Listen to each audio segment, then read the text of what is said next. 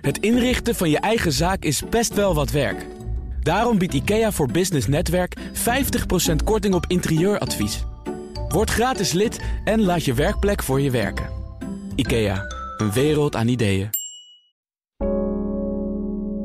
Laten we helemaal afdalen naar min, min 3 is dat. Dus eh, dat is echt uh, meters onder de gracht. Hier, hier lag dus uh, 200 ton uh, aan glinsterend goud. Opgestapeld in, in ja, een soort kastjes, Lundia, Ikea-kastjes eigenlijk. het zag er niet, de kastjes niet zo indrukwekkend, maar wat erop stond wel.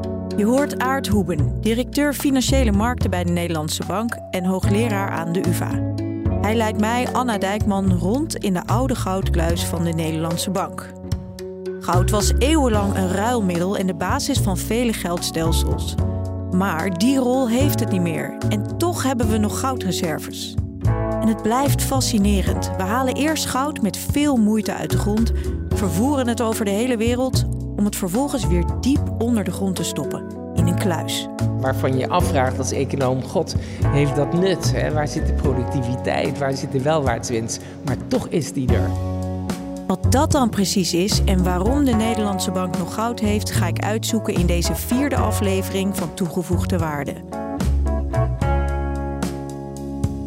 Dat doen we met Aard van de Nederlandse Bank. En later komt econoom Matthijs Bouwman wat kritische noten kraken over ons goudbezit. Een self-fulfilling prophecy, waarbij de enige reden dat het waarde heeft, is dat anderen denken dat het waarde heeft.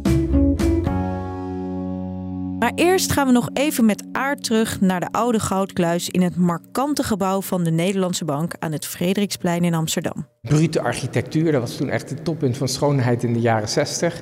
En een van de merkelijkheden van het ontwerp was dat de kluizen indien nodig zouden kunnen vollopen met water.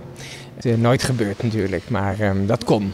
Zijn hier ook wel eens pogingen tot diefstal geweest? Niet bij de Nederlandse bank. Ik weet dat andere centrale banken wel goudroven hebben doorgemaakt. Dus het is wel, ja, het is een kwetsbaarheid. Als je zoveel waarde op één plek hebt, dat oefent natuurlijk een enorm aantrekkingskracht aan, uh, aan iedere creatieve criminele brein. Maar uh, nee, dat is de Nederlandse bank uh, bespaard gebleven. Vroeger ging wel het verhaal dat als je een baar goud, dat is zo'n 12 kilo, met één hand kon optillen, dat je hem mee mocht nemen. Uh, president Duisenberg heeft dat inderdaad uh, verteld toen hij hier een keer een rondleiding, ik dacht met de sociale partners deed. En een van die vakbondsvertegenwoordigers die enorme stevige armen en handen had, die lukte het bijna om de, de, de baar op te tillen. En toen kreeg hij natuurlijk een, een, een stoot van Wim, want die baar moest wel hier blijven. Dus hij liet onmiddellijk, hij viel weer terug op zijn plek. Dus uh, hij mocht hem dat niet meenemen. Dat was niet de bedoeling. Dat was niet de bedoeling, nee, nee. Die miljarden aan goud liggen sinds mei 2023 in een nieuwe kluis in Zeist. Helaas niet toegankelijk voor de pers, dus we moesten het met de oude kluis doen, die momenteel wordt verbouwd tot een museum. In de studio praten we verder met Aard over het goud van de Nederlandse Bank. 612,5 ton goud.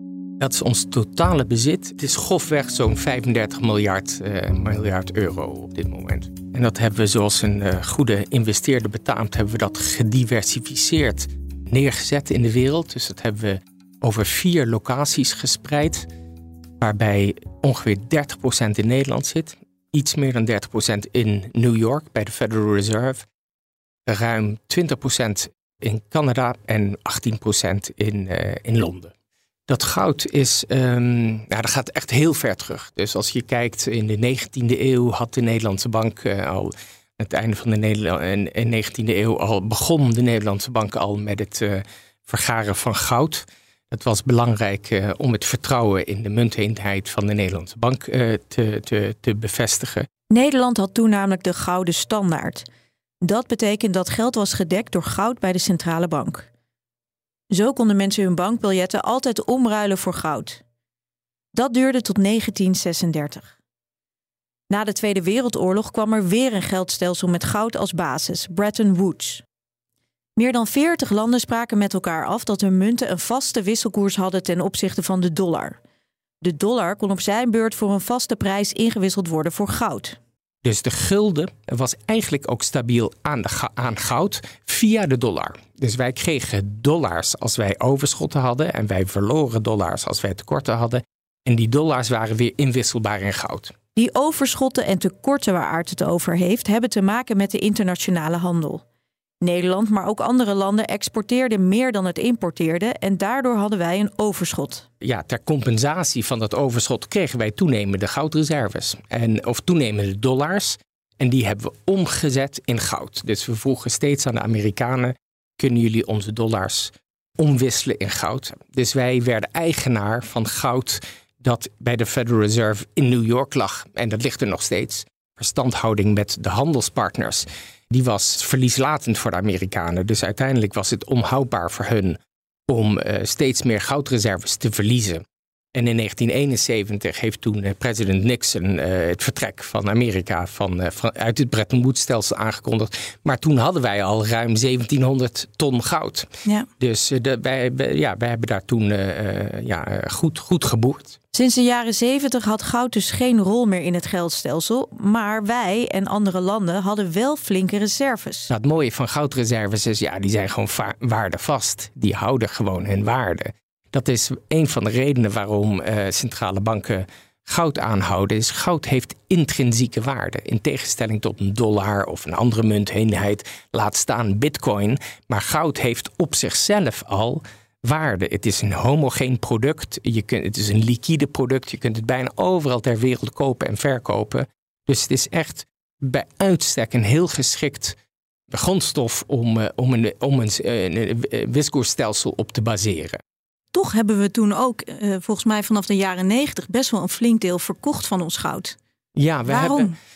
Nou, het, eh, ik denk um, als je eenmaal de koppeling van je wisselkoers aan goud hebt losgelaten, dan is een van de belangrijkste redenen om dat goud aan te houden is verdwenen. Dus dan kan je je afvragen, ja, waarom houden we dan nog dat, dat goud aan? Waarom goud en waarom niet een portefeuille aan aandelen of een portefeuille eh, aan obligaties of iets anders?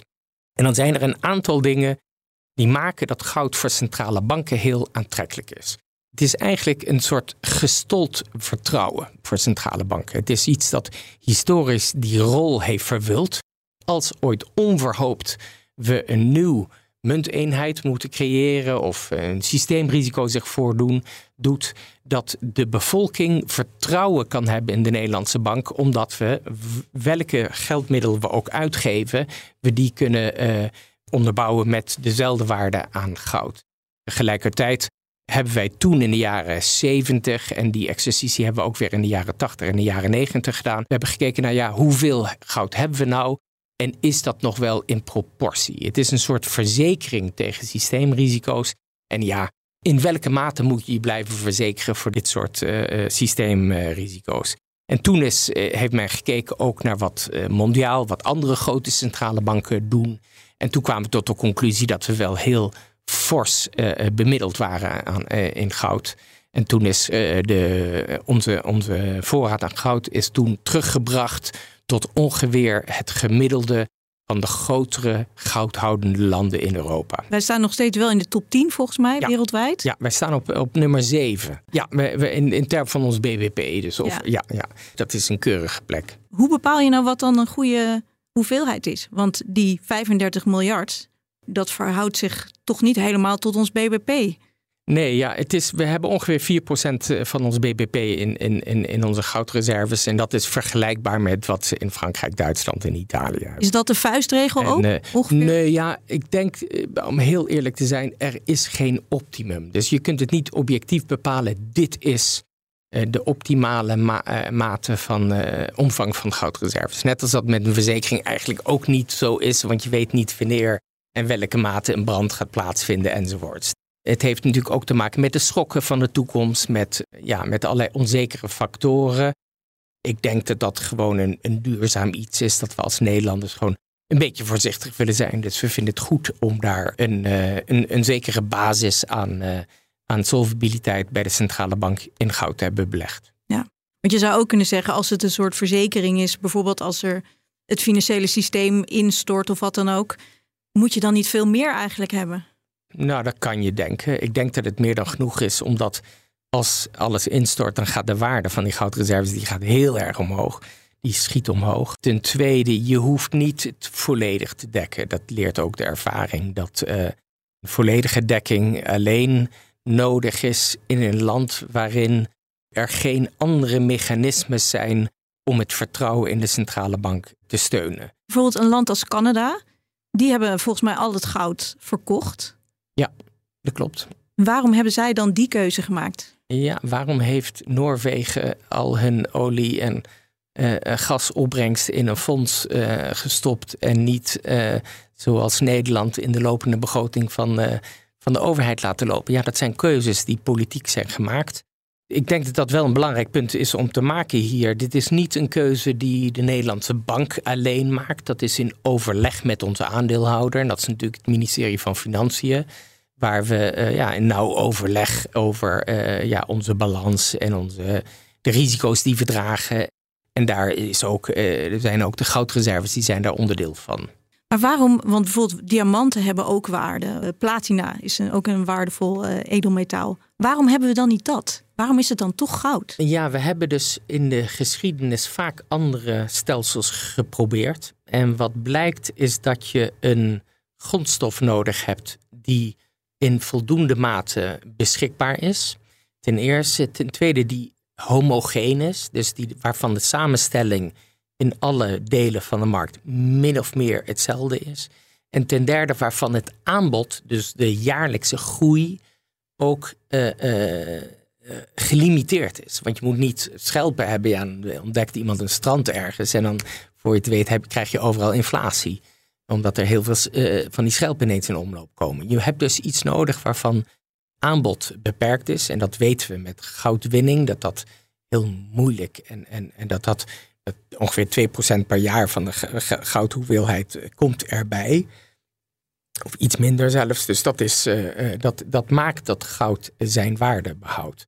Maar dat is ook wel iets wat me enorm fascineert eraan. Want je kunt goud natuurlijk niet eten het, is, het heeft een aantal toepassingen, bijvoorbeeld in uh, computertechnologie. Maar het is ook, er zit ook een enorm psychologisch aspect aan. We hebben met z'n allen bedacht dat het waardevol is en dat we het daarom de waarde aan toekennen. Ja, ik zou het niet psychologisch. Ik vind dat je het nu te wishy-washy en te vaag maakt. Het is gewoon feitelijk iets met waarde. Je hebt een prachtige ketting daaraan. Ik zie dat Speciaal voor de gelegenheid. Is dat, is dat een, een gouden, tientje? Nou, een goud tientje. Nou, prachtig. Die heeft gewoon op zichzelf waarde. Dus nog los van de emotionele waarde, wat dan ook, die kun je gewoon op een ja, goudschaal leggen. En die heeft in zichzelf waarde. Omdat, omdat we dat hebben met elkaar vinden. Want we kunnen, ik kan het, als er een hongersnood uitbreekt, ik kan het niet eten. Nee, dat klopt. Maar dat heeft met alles van waarde te maken. Je, je maakt er iets kan er ook geen huis van, bouwen. Nee, maar je, je, je, je maakt er iets psychologisch van. Dat is gewoon vraag en aanbod op markt. En dat is het verschil met, kijk, een kunstwerk of iets wat geen intrinsieke waarde. Of ik moet oppassen hier, want de kunst, kunst kan ook uh, intrinsiek heel veel waarde hebben. Maar iets wat echt afhangt van de psychologie is iets anders dan iets met intrinsieke waarde. Intrinsieke waarde betekent dat de bestanddelen waarvan het gemaakt is, die waarde hebben een huis, om een voorbeeld te noemen, je kunt een huis waarderen op grond van wat het kost om de bakstenen en eh, de loodgieterij en al een dak aan te leggen. Nou, dan heb je een kostenpunt X. En dan je kunt ook kijken naar de prijs waarvoor dat huis uitgaat. Nou, dat is het verschil tussen de intrinsieke waarde van iets en de schaarste en psychologie van een markt die daaromheen speelt. En we hebben het hier over de intrinsieke waarde van goud. En die is gewoon heel duidelijk meetbaar op de financiële markten in de goudmarkt. Maar als er nou toch een manier waar alchemisten eeuwenlang naar hebben gezocht, als ze toch een manier vinden om zelf goud te maken, dan is die intrinsieke waarde ineens toch heel anders. Dat klopt. Dat klopt. En daar kun je prachtige boeken over schrijven, films over maken, maar iedereen droomt ervan, maar het is nog niet gebeurd. En zolang het niet gebeurd is, blijven mensen die mystiek rond goud erkennen en uh, ja, blijft het die waarde houden.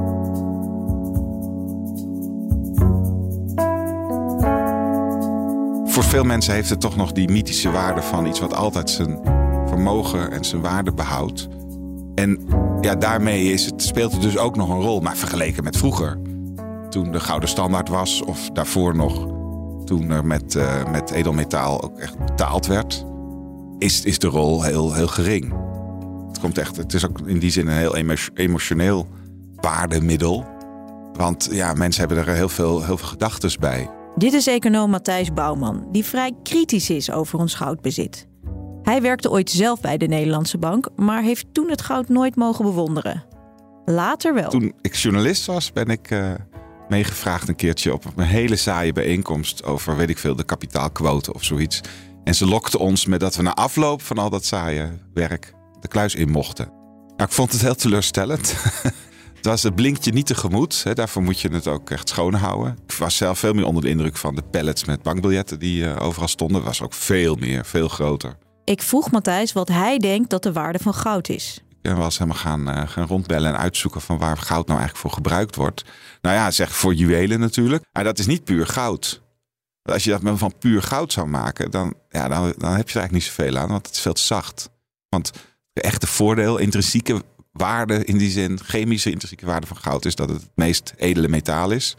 Goud, die combinatie van goed geleiden en niet oxideren, zorgt dat het in de elektronica veel wordt gebruikt. Nou ja, daar houdt het wel op. Meestal goud is, wat geen sieraad is, is, is en dat is het grootste deel, ligt gewoon opgeslagen ergens heel diep in, een, uh, in de grond. Waar het natuurlijk, dat is een grap, ook vandaan kwam. Het lag al in de grond. Hè? Dat heeft Warren Buffett wel eens gezegd. Van, wat doen jullie nou met dat goud? Uh, zit diep in de grond. Dan heel veel moeite en ellende om het op te graven. En dan stop je het weer in de grond. Maar is er dan niet nog iets anders te bedenken dan dat het een voortzetting is van traditie?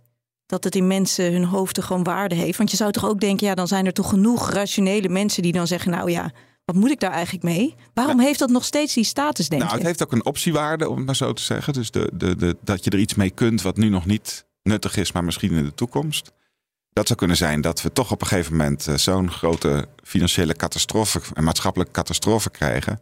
Dat we weer op zoek gaan naar ruilmiddelen die niet alleen maar hun waarde behouden omdat er een uh, handtekening van de overheid op staat. Het is dus eigenlijk ook een soort verzekering hè, voor wat als of ja, als het, nou, wel een als hele onhandige misgaat. verzekering. We houden het toch aan voor het geval dat. Want ja, andere landen doen het ook. Dus um, kan je dat wel volgen, die redenering? Dat goud ligt er natuurlijk om historische redenen. Dus je ziet wel centrale banken zoals in China, die proberen nu ook goudvoorraad op te bouwen. Om, omdat ze, maar het komt eigenlijk meer voort uit een soort diverse portefeuille-theorie. Want ze hebben vooral veel dollars en veel, uh, veel, veel uh, euro's. Dus ze willen dan ook nog iets wat. Dus die, die, hebben heel weinig ten opzichte van wat wij hebben. Wij hebben in Nederland heel veel goud. Dat is dus echt historisch bepaald. En ik heb toch het gevoel dat daar een soort uh, reden voor bij verzonnen wordt. Dat we dat hebben. Vooral omdat het tot zoveel onrust en woede zal leiden als we onze goudvoorraad verkopen. En die reden is dan dat het inderdaad voor de apocalyps is. Maar, de, maar de, de, de, overheid bereidt zich op andere vlakken helemaal niet op deze soort acute manier voor. Dus ik vind het een beetje een, een, een argument wat erbij gezocht is. Als je dat echt, dat noodscenario, als we het ons daarop voor, aan het voorbereiden zijn, zou je veel meer moeten investeren nu in de essentiële goederen die op het moment van de apocalyps het buitenland graag met ons wil ruilen in ruil voor voedsel of chips of ik weet niet wat. Ja, dat zijn toch andere dingen dan waar Nederland nu goed in is. Dat zijn waarschijnlijk niet consultancydiensten of sleepdiensten of uh, ASML-machines. Dan zouden we toch eigenlijk ook een soort, soort apocalyptische industrie moeten opzetten. Mag, uh, Tata mag dan blijven. Tata moet dan blijven, ja. ja. precies. En maar ook, ik denk ook allerlei, uh, het, maken van gebruiksvoorwerpen. En dat klinkt een beetje absurd, maar dat, dat, dat is wel de redenering achter die goudvoorraad. Terwijl we verder niks doen voor het geval dat. En als je kijkt naar de apocalyptische dingen die staan te gebeuren. Klimaatverandering, uh, oorlog in Europa, asteroïden. Die, ja, is dan het eerste wat je denkt van... oh, dan moeten we wel zorgen dat we goud hebben. Nee, dus, dus, dus, dus de, en dat is mijn persoonlijke mening hoor... de reden dat we allerlei argumenten hebben om dat goud aan te houden... Uh, bij Nederlandse Bank, maar ook bij mensen thuis. Hè, mensen beleggen graag in goud of beleggen, speculeren graag met goud. Het is uiteindelijk, is het, ik ben bang voor de toekomst. Dus daarom kies ik voor een deel van mijn portefeuille of mijn hele portefeuille niet voor aandelen of uh, obligaties die uh, rendement geven. Maar ben ik bereid dat rendement in te ruilen voor het gevoel van. Oef, ik heb in elk geval ergens, vaak in de vriezer, tussen, in, in het pakje vanille-ijs of onder de vloer. Dat is de plek om, dat, om Nou, goud te even, verstoppen? Dat was even de plek. Ja, Oh, dat ja? Was, eh, ja dat, dat, op een gegeven moment waren er. Nou, dat is een echt een verhaal wat je niet kapot moet checken. Maar waren er in eh, Laren en, uh, en Baarn. Er behoorlijk veel uh, na inbraken lege pakken vanille-ijs gevonden. Nou goed, ja, dit, het heeft inderdaad dat gestold angstzweet, wat ik het ooit heb genoemd. Maar dat is wel een legitieme reden om goud aan te houden. Maar ik zou zelf zeggen, heb je, ga toch echt wordt lid van een wapenvereniging en zorg dat je een wapen in huis hebt. Want, ik weet niet of dat nou de oproep is die we nou hier moeten doen. Mijn oproep is ook niet om goud te hebben, maar als je zo, zo bang bent voor, voor de toekomst, dan is goud hebben niet genoeg, want je moet het goud ook kunnen beschermen. Ik vind het wel ook opvallend dat je nu uh, veel opkomende landen, je, je, noemde net al China, maar ook andere landen die eigenlijk nu vooral goud gaan kopen. Ja. Dus er zit toch nog steeds iets in. Ja, dat moeten we dus hebben. En heeft het daarom ook niet uh, toch een soort waarde, de psychologische waarde? Omdat de anderen het e- nou ook eenmaal Precies. Nee, dat is zo. En die hebben allemaal diezelfde redenering. Maar ook, ook om een beetje volwassen te lijken. Maar ook uit, uit een soort spreiden van risico. Hè? Dus als je niet al je, al je vermogen als China in goud steekt. Maar heel veel van het geld staat in New York in uh, Amerikaanse staatsobligaties. Nou ja, zo leuk is de relatie tussen China en Amerika niet. Ik kan me heel goed voorstellen dat ze op zoek zijn naar iets onafhankelijks. Maar het is vooral een self-fulfilling prophecy. Dus en dat is helemaal niet erg, hè? want er zijn heel veel self-fulfilling prophecies op financiële markten. Maar dit is wel de langste, de meest hardnekkige en waarvan het meest wordt ontkend dat het uiteindelijk een, een, eh, een Ponzi-scheme is. Een, een self-fulfilling prophecy, waarbij de enige reden dat het waarde heeft, is dat anderen denken dat het waarde heeft. In die zin is het eh, net als Bitcoin. En dat is, dat is volledig gebaseerd op een idee. Wat wel ongeveer het sterkste idee is in de geschiedenis. Als jij het mocht bepalen, wat zou jij dan doen met de Nederlandse goudvoorraad? Nou, eerlijk is eerlijk, als ik centrale bankpresident was, dan mocht ik het bepalen. Dan zou ik zeggen, nou ik doe lekker niks. Want je haalt jezelf ellende op je hals. En Nout Welling heeft in de jaren, eind jaren negentig heeft hij een deel van de goudvoorraad verkocht. Omdat hij zei van ja, dat heeft helemaal geen rendement. Nou, dat is wordt hem nog steeds niet vergeven door uh, delen van Nederland. Hij deed ook wel op het moment dat goud wel heel goedkoop was. Maar ja, hij is ook geen speculant, dus daar kun je hem ook niet kwalijk nemen. Dus ik zou denk ik, uh, als ik op die stoel zat, als, als, als lafbekje zou ik zeggen van nou, we gaan het niet over goud hebben. En we gaan gewoon het verhaal blijven vertellen. Maar als econoom vind ik het absurd dat we zo'n groot deel van ons vermogen in een middeleeuws verhaaltje hebben geïnvesteerd. Met een pijnlijke geschiedenis ook nog. Met een pijnlijke geschiedenis. Maar toch vind ik het interessant dat je dus rationeel helemaal kan beredeneren waarom ja. dat goud eigenlijk geen waarde heeft. En dat, je eh, dat het eigenlijk een beetje onnozel is dat we dan nog hebben. Maar als jij daar zou zitten op die centrale bankstoel, uh, dat je dan toch zegt: nee, ik hou het. Dus dat geeft misschien wel aan waar Weet je, ik, ik, dat, dat, die gekke status van goud. Uh, ik was een paar jaar geleden bij, uh, bij een zo'n boerenbondachtige club. Allemaal dames uit het platteland in mijn, in mijn dorp. Om te vertellen over economie. En toen vroeg op een gegeven moment, toen vertelde ik over, ook over inflatie en over de geldhoeveelheid. En toen zei iemand van ja, maar de euro, waarde van de euro is toch verbonden aan goudvoorraad. Toen zei ik van nee, dat is niet zo. En toen ging er geroezemoes op in de zaal. Een aantal vrouwen die zeiden van hè? Dat hebben we toch altijd gedacht? Nou, over die drempel. En dat is dan mensen die denken dat het gewoon nog zo zit. Maar er zijn ook mensen die denken het zou eigenlijk zo moeten zijn. Die, die emotionele drempel is gewoon heel hoog. En zoveel is het goud ook weer niet waard. Als we een paar maanden extra werken, als we de vrije Pinksterdag afschaffen, hebben we dat, dat vermogen binnen een paar jaar weer terugverdiend. Dus het gaat ook niet om enorme bedragen. Vroeger wel, maar inmiddels ja, hebben we gewoon een rijk welvarend land. Wat er bij, het, bij de pensioenfondsen gebeurt, is veel relevanter dan wat we met de geldhoeveelheid doen. Dus why bother? Dat, zou, uh, dat is dan, maar het is een laffe keus. Als je principieel bent, zeg je van dit is mijn kans. Die hebben we nu zo dom geweest om mij te benoemen tot eh, president van de, van de Nederlandse Bank. Morgen verkopen we de hele zooi. Ontslaan we de marechaussees, die kunnen dan in de zorg gaan werken of als politieagent. Ik ben er natuurlijk ook een beetje principieel in. Dus in die zin is het, uh, erken ik dat het, uh, dat het uh, om te pesten zou zijn als ik het meteen verkocht. Nou, wie weet komt die dag ooit nog nee, eens, die Matthijs. niet. De chip has sailed. Het is duidelijk, Matthijs heeft er weinig mee. Maar omdat heel veel mensen in de wereld dat wel hebben, blijft het toch een belangrijke financiële waarde. Het is een soort verzekering die van pas kan komen in slechte tijden, veilig in kluizen onder de grond bewaard. Hoe ironisch dat misschien ook is.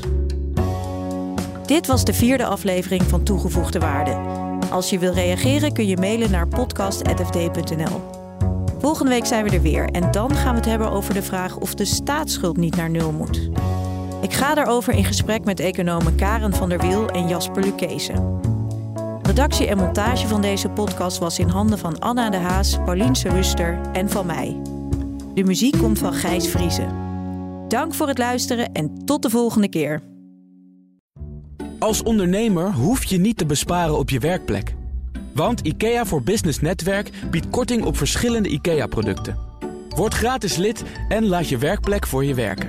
IKEA, een wereld aan ideeën.